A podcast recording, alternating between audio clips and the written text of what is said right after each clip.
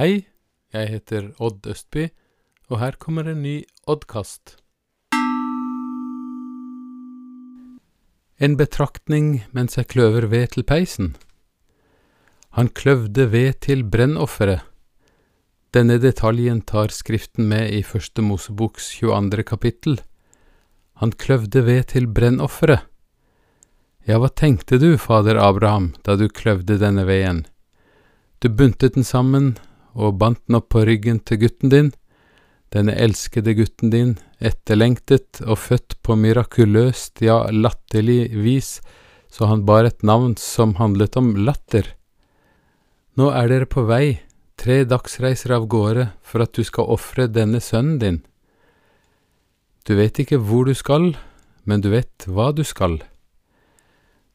Du sier til tjenestene guttene dine, som også er med på reisen, da Gud har vist deg hvilket fjell du skal opp på, vent her til vi kommer tilbake. Vi, sa du, til vi kommer tilbake. Vi skal bort og tilbe, sier du.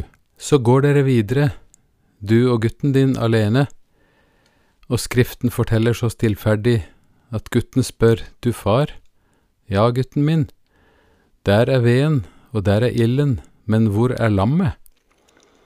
Og du svarer at Herren selv vil se seg ut et offerlam. Så er dere fremme, du bygger et alter, det tar tid, sten skal legges på sten, du hadde god tid til å tenke. Så tar du gutten og legger han opp på alteret. Sprellet han, gråt han, skrek han? Derom tier Skriften, men den forteller at du strakk ut armen og tok kniven. Du var lydig helt til det siste, til det siste sekundet. Da stivner knivarmen da du hører navnet ditt bli ropt to ganger.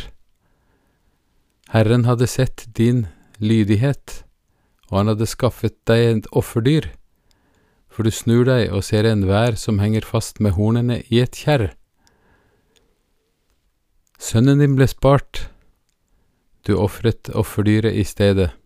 Herren skulle se seg ut et offerlam, hadde du sagt. Men denne væren har horn, det er jo ikke et lam. Cirka 1800 år seinere står mannen med kamelhårskappe, døperen Johannes ved Jordans bredd, og peker på Jesus og sier, Se der er Guds lam, som bærer verdens synd. Abrahams sønn ble spart, Guds sønn ble ikke spart, men vi blir spart fra Guds dom over vår synd og likegyldighet når vi tar vår tilflukt til Jesus og tror på ham. Verken våre bønner eller vår tro kan åpne døren til et stengt paradis, det kan bare Jesu blod. Han var det offerlammet som Gud hadde sett seg ut. Abraham bygde alteret for å minnes ting tilbake i tiden. Det er stor pedagogikk. Han kunne se seg tilbake med tro, og kunne se framover med håp. Vi trenger ikke Abrahams tro, men vi trenger Abrahams Gud. Liksom Abraham kan vi se oss tilbake og bli styrket i troen. Vi kan se oss rundt og utøve kjærlighet. Vi kan se framover og ha håp. Tro håp og kjærlighet. Jeg tenker at noe av det fineste vi kan ta med oss inn i et nytt år, er ordene fra første Peters brev 1.3. Lovet være Gud, vår Herre Jesu Kristi Far, Han som i sin store miskunn har født oss på ny og gitt oss et levende håp ved Jesu Kristi oppstandelse fra de døde.